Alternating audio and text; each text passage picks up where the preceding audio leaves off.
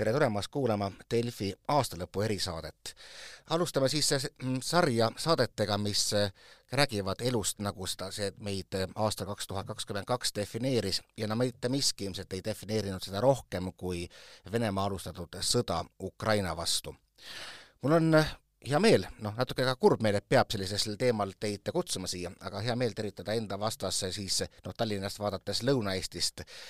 Igor Taro ja Teet Kalmus, kes on meie kaks sõjaraportööri ehk siis sõjavaatlejat, nagu me teid nimetame, kes on sõja algusest saadik saatnud siis Delfi ja Eesti Päevalehe lugejatele ülevaateid, mis rindel sünnib. ja peab ütlema, et need ülevaated on osutunud väga sageli palju täpsemateks ja muuhulgas ka palju positiivsemateks kui see, mida võis lugeda eriti veel sõja, sõja algul kuskilt eh, lääne põhivoolu meediast. ehk siis väga-väga eh, tubli töö, ehk üldiselt kui lugeda teie ülevaateid, saab umbes aimu, mis hakkab sündima. aga enne, kui sinna kõige jõuda, siis alustame ikkagi sellise natukene nagu mureliku tooniga. et minu meelest on nüüd küll uus aasta lõppemas ehm, noh, pessimistlikult, et kõik tundub just nagu olevat noh, kogu selle sõja kontekstis hea, et Ukraina võtnud tagasi territooriume, just nagu on tal võimalus neid veel võtta, ja samasel ajal räägivad just Ukraina juhid, eesotsas president Zelenskõiga, aga ka kindral Zalužnõi või siis Aleksandr Sõrski, kes on maavägede juhataja, on briifinud tervet rida väga mõjukaid lääne väljaandeid, kus nad hoiatavad, et see võib kõik olla ajutine küll võib tulla venelane Kiievi peale, küll ta valmistab noh, nii-öelda uurite taga jutumärkides ette siis eh, uut eh, sellist rünnakulainet ja, ja kõik võib minna uuesti veel väga-väga halvaks, et eh, kõigepealt teie, tere ja, ja teie, teie kommentaarid, et kui pessimistlikus meeleolus me uuele aastale vastu läheme? ja ma räägiks siis kõigepealt jah, see intervjuu, mille kindral Zalužni andis, on, on põhjustanud päris palju vastukaja, aga siin Rainer Saks kirjutas ja ma olen selles mõttes temaga nagu nõus, et Zalužni mängib alati noh, ütleme niimoodi peenemat mängu ja et, et sellest intervjuust võis välja lugeda selle info, millest paljud räägivad, et, et Ukrainal on veel kahekuuline ajaaken, mille jooksul nad saaksid, ütleme, midagi suuremat ette võtta. aga peale seda on, ütleme, väljaõppekeskustest tulemas nii palju täiendust peale, et, et, et, kõik, kõik see võib osutuda palju keerukamaks, nii et noh, et ilmselgelt on Zalužni huvides värve juurde keerata, mis tahes kindral mängib läbi erinevaid stsenaariume ja võtab aluseks kõige negatiivsema ja, ja noh, seda on nagu nähtud selles valguses, et sõnum on selline, et meil on kaks kuud aega, meil on kiiresti relvi juurde vaja, me saame midagi siis suuremat korda saata, hiljem võib see osutuda keerukamaks no Igor, just tema samas võtmes, et kui palju ikkagi siis no ka Ukraina tegeleb asjadega, mille nimi on infoopp ehk siis info nii-öelda kalibreeritud etteandmisega? sellega peab sõja ajal kogu aeg tegelema. ja ega selles midagi halba ei ole. selles mõttes, et äh, kõik need intervjuud, millest noh, millegipärast hakati lugema välja kõige noh, nii-öelda kõige negatiivsemaid äh, hinnanguid, siis äh, nad käsitlevad ikkagi teemat laiemalt ja räägivad erinevatest äh, teoreetilistest võimalustest ja sellistel puhkudel tõepoolest ei saa lähtuda ainult kõige optimistlikumast stsenaariumist, vaid peab arvestama nagu kõigi võimalustega. ja ma kardan, et kui kindral Zalužni räägiks äh, ükskõik millisele lääne väljaandele ainult seda, kui hästi neil läheb ja kui äh, võidukad nad saavad olema järgmistel kuudel, siis võib lihtsalt juhtuda see, et äh, teatud liitlasriikides äh, teatud inimestel võivad tekkida küsimused, et aga mis me sinna siis nii palju abi saadame. et ärme siis, ärme siis nii palju saada või saadame vähem aga Ukraina jaoks on see päris kriitilise tähtsusega olnud algusest peale, et, et nad saadavad äh,, neile saabub alati pigem nagu liiga vähe, liiga hilja, mitte, mitte piisavalt, noh muidugi sõjaväes, kaitseväes on alati see, et liiga hilja, liiga vähe liiga ebapiisavalt olete kõike teinud, et see on selline nagu tüüpiline suhtumine. ja et alati on, ala, et alati on üks pataljon puudu. aga kui nüüd jätkame siis äh, alustuseks pessimistliku noodiga, et võib-olla pärast jõuda rohkem optimistlikule lainele, siis no teine teema, mis on ka käinud läbi nagu lääne meediast päris tihti, on ikkagi see, et sõda on jõudnud paljuski kurnamissõja faasi ja ei ole nüüd kindel, et lääs seal peale jääb. et kui tuuakse mingisuguseid näiteid umbes, et ühel päeval lastakse välja ühes lahingus ukrainlaste poolt no kümme tuhat mürsku või viisteist tuhat mürsku, mis on umbes see toodang, mida suudab Ameerika Ühendriikide kogu tööstus toota väidetavalt ühe kuu jooksul ja nii edasi, siis, siis kõik viitab, et ka kogu läänel ei pruugi olla piisavat rauda ja laskemoona, et üldse sellele Vene masinale, mis on küll vilets, logiseb, aga tohutute ressurssidega pikas perspektiivis vastu seada, et kui, kui halvasti teie seda olukorda näete? alustame siis uuesti te Teedust. no vot, sellega on jälle see, et, et käib ju üks pidev kavaldamine, räägitakse seda, et noh, mida võib-olla ei taheta rääkida, et, et, et vastast segadusse ajada. nüüd, kui me räägime äh, Ukraina puhul siin, kui sa ütlesid numbrid kümme tuhat või viisteist tuhat, ei, need numbrid pole ammu nii, nii suured, et, et no parimatel päevadel oli seitse tuhat, praegult on see tunduvalt vähem. aga probleemid on ka Venemaa poolel viimastel päevadel just selgelt, kus, kus isegi Ukraina sõjaväelased on imestanud, et on tunduvalt vähem neile kaela tulnud seal Bahmutil kõike, kõike rauda ja, ja, ja sellega seotud, kui see plahvatab nii et noh, tegelikult on probleemid mõlemal pool ja mis seis Venemaal on, me ju ei tea, me siin praegult mõtleme,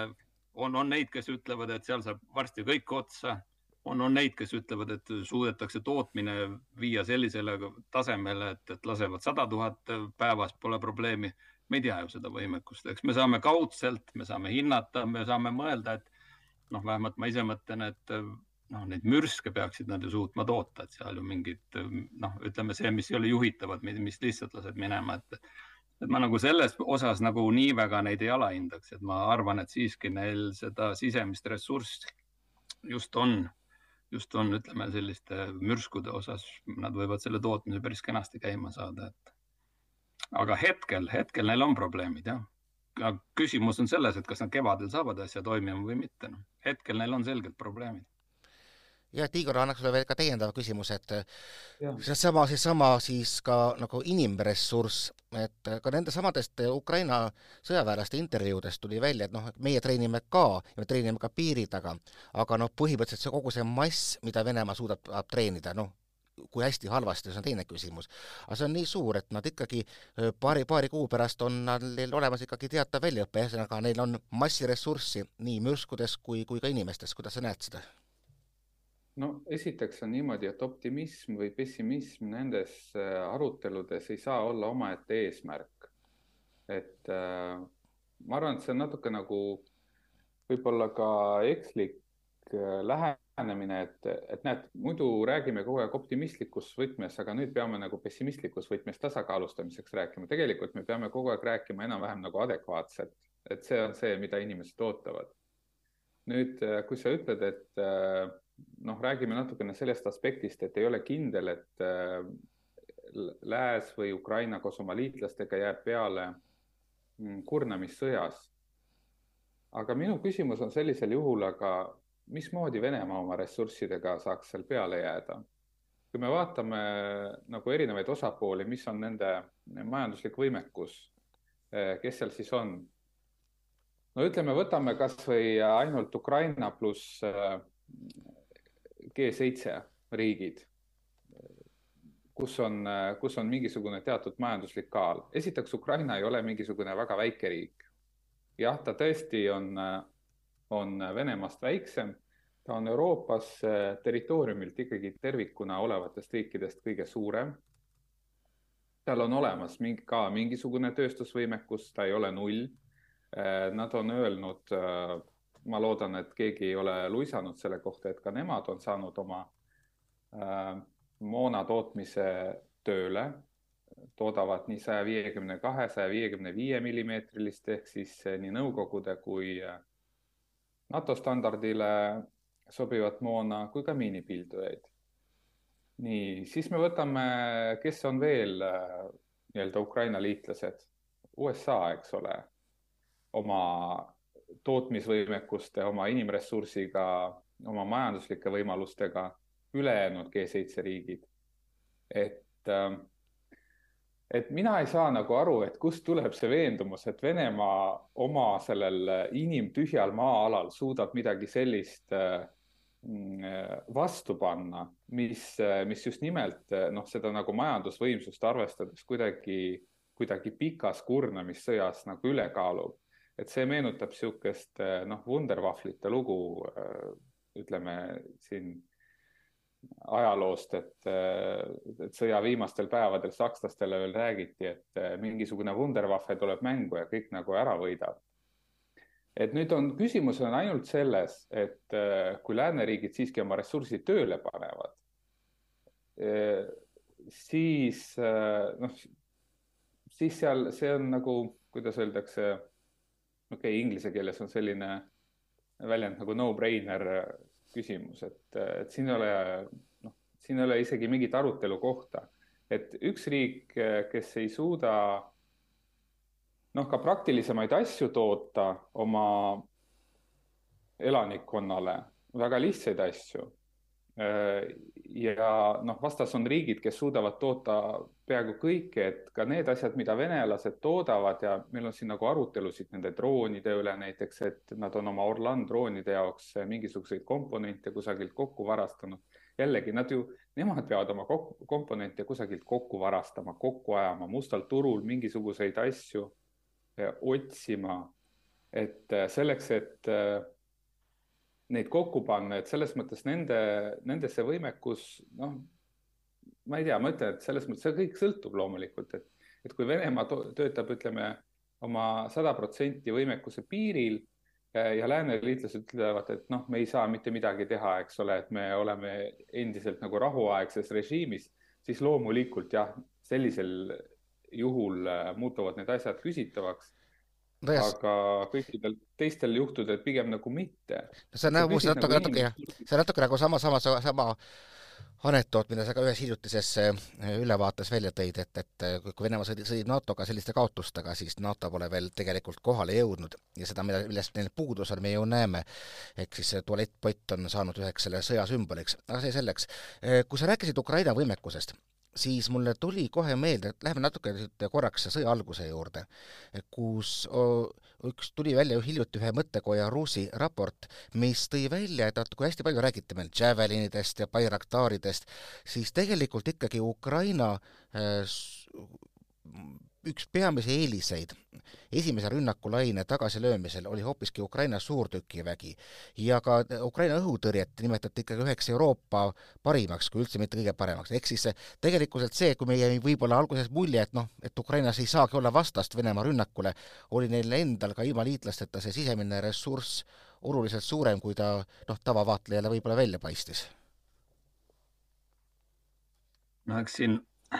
Ukraina see presidendi administratsiooni nõunik Arestovitš on ju tegelikult öelnud, et tegelikult olid ju kaitsmisel, Kiievi kaitsmisel mitmed sellised hetked, kus neil oli kõik otsas, kus, kus lihtsalt Venemaal ei taibanud nagu peale minna, et, et, et noh, neil oli olukord rohkem kui kriitiline ja ikkagi paljuski päästis ikkagi see, et venelased ju läksid noh, sellistes keerukates ilmastikuoludes, kus põhja poolt tulevad kitsad teed, ümberringi on sood ja, ja lihtsalt vot tekkisid need legendaarsed sellised pikad kolonnid, mida oli võimalik hävitada. et, et, et ütleme nii, et ikka Ukrainal oli ka õnne ja nad olid vaprad ja noh, noh õhukaitsega noh, ma nüüd ei tea, eks peale seda kirjutatakse rohkem, aga ütles, et Ukraina päris hästi oli maskeerinud oma, oma õhukaitset, nad olid neid detsentraliseerunud, olid, oli palju petekaid seal, no eks sellest kuuleb hiljem, aga see, et nad suutsid peale esimest rünnakut säilitada arvestatava osa oma õhukaitsevõimekusest, see, see oli juba omaette ime ja lennukitest ja nii et noh, see, see oli tõsine operatsioon, kuidas nad järjest neid liigutasid ühe lennuvälja pealt teisele väikse pealt ja, ja noh. et, et eks, eks, eks seal õnne oli ikka palju, ütleme nii, aga õnn on, õnn soosib tugevamaid, eks, nii et noh, nii ta on no tõenäoliselt seal oli üks osa ka selles, et äh, Ukraina kaitsejõud võtsid siiski tõsiselt ka neid liitlaste luureraporteid ja tegutsesid vastavalt, eks ole, et see, see tõenäosus ja juhus ei toimi ju siis, kui inimene ise mitte midagi nagu selle soodustamiseks ei tee. et nagu Teet ütles, siis äh, õhutõrje oli hajutatud õigeaegselt. Need esimesed raketilöögid, mis hommikul kell viis tulid ja mille järel veel kolm päeva väitsid venelased oma nendes äh, kindralstaabi teadetes, et Ukraina õhutõrjevõimekus on täiesti hävitatud ja alla surutud, noh, nemad arvasid niimoodi, tegelikkuses see nii ei olnud. et nende lennukid väga karistamatult ei saanud tegutseda, üritasid küll, aga see skoor seal äh, kasvas esimestel päevadel päris kõvasti. Et mis on nagu oluline, on see, et äh, ukrainlastel on ka endal relvasüsteemid olemas ja mõned päevad pärast seda, kui Javelinid ja Bayraktarid olid äh, päris kõvasti pildis olnud, mulle tundub, et nad tegid sellise strateegilise valiku, et nad hakkasid rohkem äh, publitseerima neid äh, Stugna videosid, et kuidas nende äh, tankitõrjesüsteem Stugna hävitab äh, siis vastase soomustehnikat. See on nende enda toodang äh,. minu arust seal oli isegi üks äh, selline äh, väike skandaal, kus äh, Stugnat tööd, Stugnat tootva ettevõtte juhi kallale üritati siis õigusorganitega kuidagi minna, sest ta pani seal ühe partii kõrvale Ukraina kaitsejõududele, minu arust see partii pidi äkki minema kuskile Araabia maadesse või ühesõnaga nad tootsid seda ekspordiks. ma nüüd täpselt neid skandaali detaile ei mäleta, aga aga ta tegi midagi sellist juriidiliselt mitte päris korrektset, äh, aga mis aitas nagu Ukraina kaitsejõudusid päris palju jah, kui palju ja, näiteks, jah, et kui palju näiteks Ukraina enda tööd ikkagi nendesse, noh, tagantjärele me ju oleme mõnevõrra targemad Ristleja Moskva uputamises või siis noh, ka, ka nendes praegustes droonilöökides Venemaa lennuväljadele, noh arusaadavalt, et ameeriklased ütlevad, et see pole nende tehnika, noh, et ei taha sekkuda ja puha, aga kuivõrd ikkagi ongi realistlik see, et selgelt ja puhtalt Ukraina enda toodang aga kui ukrainlased on just äh, äh, nii-öelda viimistlemas neid leppeid äh, Bayraktari tootjaga äh,, näiteks äh, siis noh, Türgi ettevõttega ühisettevõtte äh, loomiseks, äh, kus nemad panustavad äh, minu arust reaktiivmootoritega. et äh, neil on ikkagi arvestatav sõjatööstus olnud ja see praegu saab tuule tiibadesse ma küll ei näe nagu põhjust selles kahelda, et äh, kui neil tõepoolest on olnud väljatöötamisel Neptuni raketid ja mõned ka äh, säilisid äh, pärast seda esimest raketirünnakut ja nad on isegi ka mõne video nüüd avaldanud sellest, mismoodi need Neptuni raketid välja lasti. noh, ma ütleks, et see tundub pigem nagu tõepärane, et ei ole põhjust kahelda, et Ukrainal nagu mitte midagi üldse ei ole. jah, seda paraku ei ole neil vist nendes kaubanduslikes kogustes, nagu öeldakse, et, et väga palju, aga nii palju on, et nad suudavad nagu signaali anda. minu arust nende kaugete lennuväljade ründamisel oli olulisem mitte nimelt see tol hetkel tekivad purustused vaid see sõnum, et jah, et tegelikkuses siin siit piirist kuni kuuesaja, seitsmesaja kilomeetri kaugusele ei ole enam turvaline. ja sellest ju rääkis ka kindral Zalužny, et üks kõige tähtsamaid momente selle sõja nagu võitmisel on see, et sa pead suutma ka tekitada ka vastasele natukene ka ikkagi valu ka kaugemal rindejoonest, aga kui veel nagu relvadest rääkida, noh, siin pole küsimuski, kui me vaatame, mis jõuavad rindele läänest, kõik need Haimersid, no nende täpsus ja kõik muu on üle prahi, aga neid on ka üle prahi vähem, kui on kogu seda Vene relva, ehk siis kokkuvõttes lõpuks peakski kõik taanduma sellisele matemaatilisele tehtele, et eh, võimekus pluss maht eh, võr-, võr-, võrreldes vastase omaga, et kuidas te näete seda kaalukaussi praegu kaldumas? no kui me siin vaatame, et, et kesksuvel Donbassi rindel ja kokku tehti vist kuuskümmend tuhat lasku Venemaa poolt päevas, eks, ja, ja noh, kah väga suurt ei saavutatud eriti midagi, kuna enamus läks ju noh, lihtsalt huupi lasti. kui nüüd siis räägitakse vist alla kahekümne tuhande juba päevas, mis on kolm korda vähem. noh, ja ka suurem osa läheb huupi, siis noh, on ju, ongi ju näha, et ega neil tänu sellele mingit erilist edu ei ole. me ei saa nüüd öelda, et venelastel üldse ei ole vastavalt täppisrelvi, on küll, neil on ka Krasnopoli suurtükimürsud juhitavad, neil on Tornado S, see on sarnane Himarsiga, eks juhitavad sellised aga neid on lihtsalt nii vähe, nad ei ole neid võimelised tootma kogustes, mis nagu sõjaväljal erilist muutust esile toob, nii et noh, et, et, et selle sõja kontekstis ongi nagu välja tulnud, et mis, mis on nagu ka Ameerika poolt on nagu öeldud, et noh, kus, kus neil on nagu natuke vastumeelsus olnud nende meeletus koguses juhitamatute mürskude tootmisel, et, et noh, et nende, nende sõnum on, et peaks ikkagi rohkem tootma juhitavaid mürske, et, et noh, okei okay,, ta on küll kallim seal oluliselt, aga laskja tabamuseks. samal ajal kui lased, ütleme seal noh, kaks kolmkümmend tükki ja noh, et e-, ega need M seitse, seitse, seitse ka nüüd nagu selles mõttes imet ei tee, et kui ikka esimese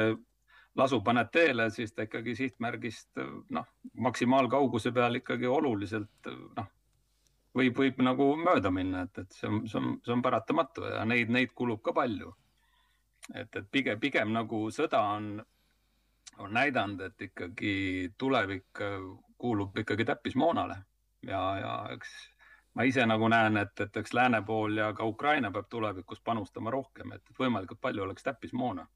mida, mida kasutada nii suurtükkidele kui raketiheitjatele, lennukitele kui mis iganes no Igor, sa ju ka pidevalt kirjeldad, kuidas jälle mingisugune hotell sai hooletu suitsetamise läbi jutumärkides pihta, ehk siis ka, ka vaenlane peab sellest ju, ju, õppima, et, et et üks, ükski koht ei ole iseenesest enam ohutu ka nende kõrgematele juhtidele. jah, ja selles mõttes seda ka siin on keeruline õppida niimoodi, et äh, saaks kõiki vastase tegevusi täielikult nagu ennetada. et selles mõttes on huvitav vaadata, et sõjategevuses toimub selline omamoodi rohepööre,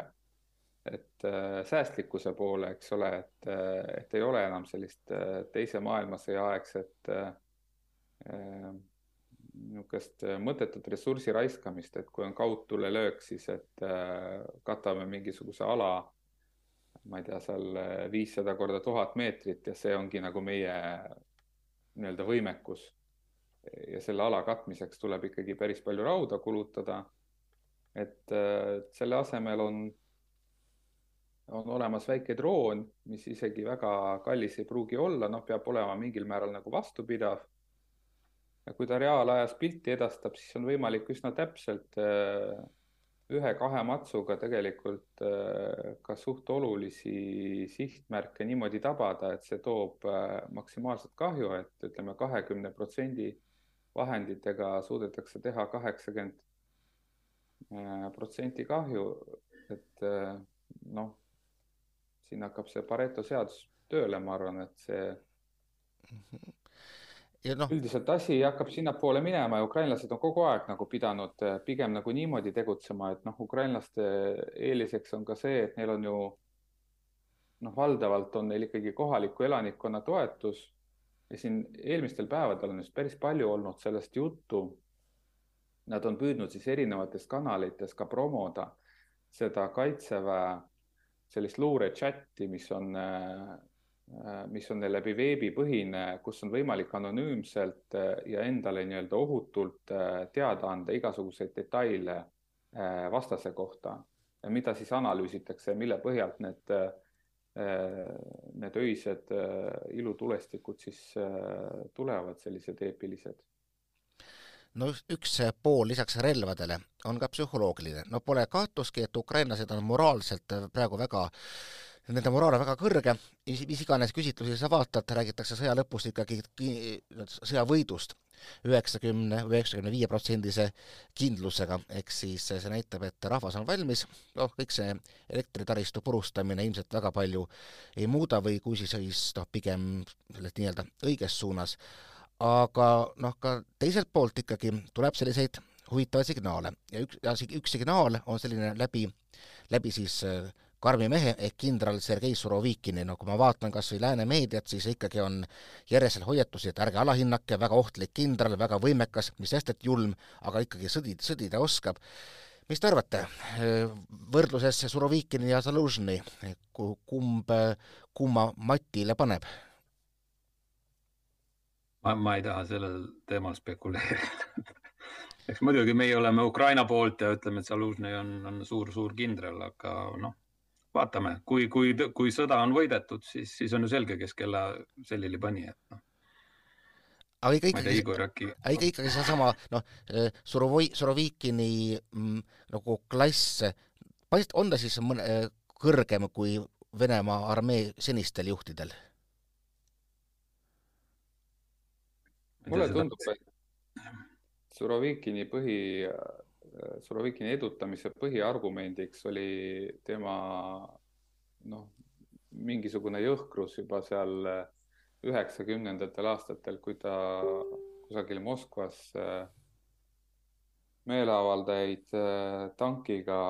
maha tallas, mitte tema mingisugune särav äh, juhtimiskompetents, et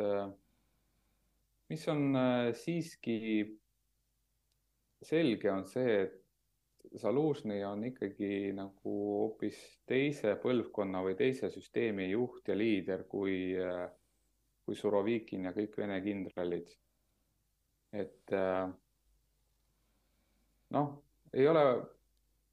ei ole see kuidagi nagu teoreetiliselt, isegi teoreetiliselt usutav, et, et nendest sisenditest, mis Venemaal on ja sellest süsteemist, et seal saaks välja kasvada midagi väga sellist intelligentset ja väga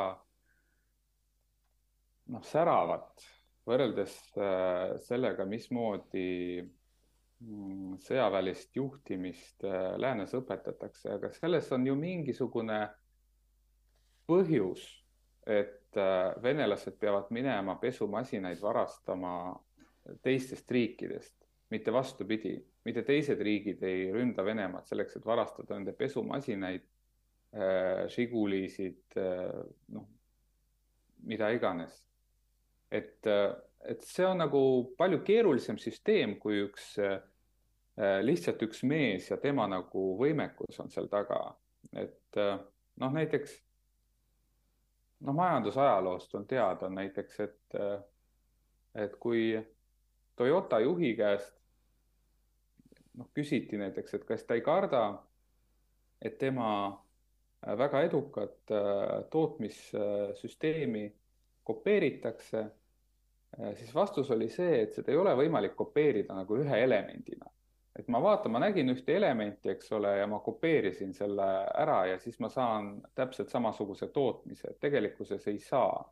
et kogu see süsteem, töökultuur, mismoodi inimesed suhtuvad asjadesse, kuidas, mis äh, motivaatoritega nad tegutsevad nagu inimeste juhtimises, see kõik nagu mõjutab. sa lihtsalt ei saa seda kopeerida nii lihtsalt. Nii, aga hakkame vaikselt tõmbama otsi kokku ja mul kõige, kõige põnevama osa olema jätnud lõpuks, et me nüüd nagu tegime oma hinnanguid olnule, tulevikule, kuidas te neid hinnanguid teete, see on väga väärtuslik luureinformatsioon, noh, on Ukraina poole teated, on videod, te viitate ka Vene sõjablogijatele, et kuidas selline pilt terviklikult lõpuks kokku tuleb, et kui mina näiteks istun arvuti taga, ma vaatan noh, lihtsalt uudiseid, siis ma ei saa seda infot kätte. Eks see ongi nagu kogemusega ja noh, Igor, ma saan aru, on seda Ukraina konflikti veel, veel põhjalikumalt ja kauem jälginud kui mina, vist aastast kaks tuhat neliteist ta juba tegi tööd põhjalikult, siis ma vaatasin seda vähem, aga eks see nagu ongi, et, et põhimõtteliselt noh, mina olen ka selle Nõukogude armee läbi käinud, see on nagu üks, üks teema, teine teema on see, et, et sa käid koolid läbi ja siis ongi see, et sa vaatad mingile infole otsa. Kui seda on piisavalt palju, hakkad nägema mingisuguseid mustreid, teed seal mingi analüüsi ja siis nagu ongi, et ühte samat infot vaatavad erinevad inimesed, näevad sealt erinevaid asju, sellest võib täitsa erinevaid nagu öeldakse, lugusid kokku kirjutada ja kui siis inimesed loevad näiteks kolme inimese poolt tehtud niimoodi erinevaid ülevaateid, siis saavad kolm korda parema pildi kokkuvõttes, et, et noh, mina isiklikult äh, praktiliselt noh, suuremalt jaolt ikkagi internetist leian selle info, istun kodus. Youtube on põhimine. et kui siin oli nagu juttu, et, et, et kuidas nagu meie saame nagu siis niimoodi otsem või, või kui need lääne siis noh,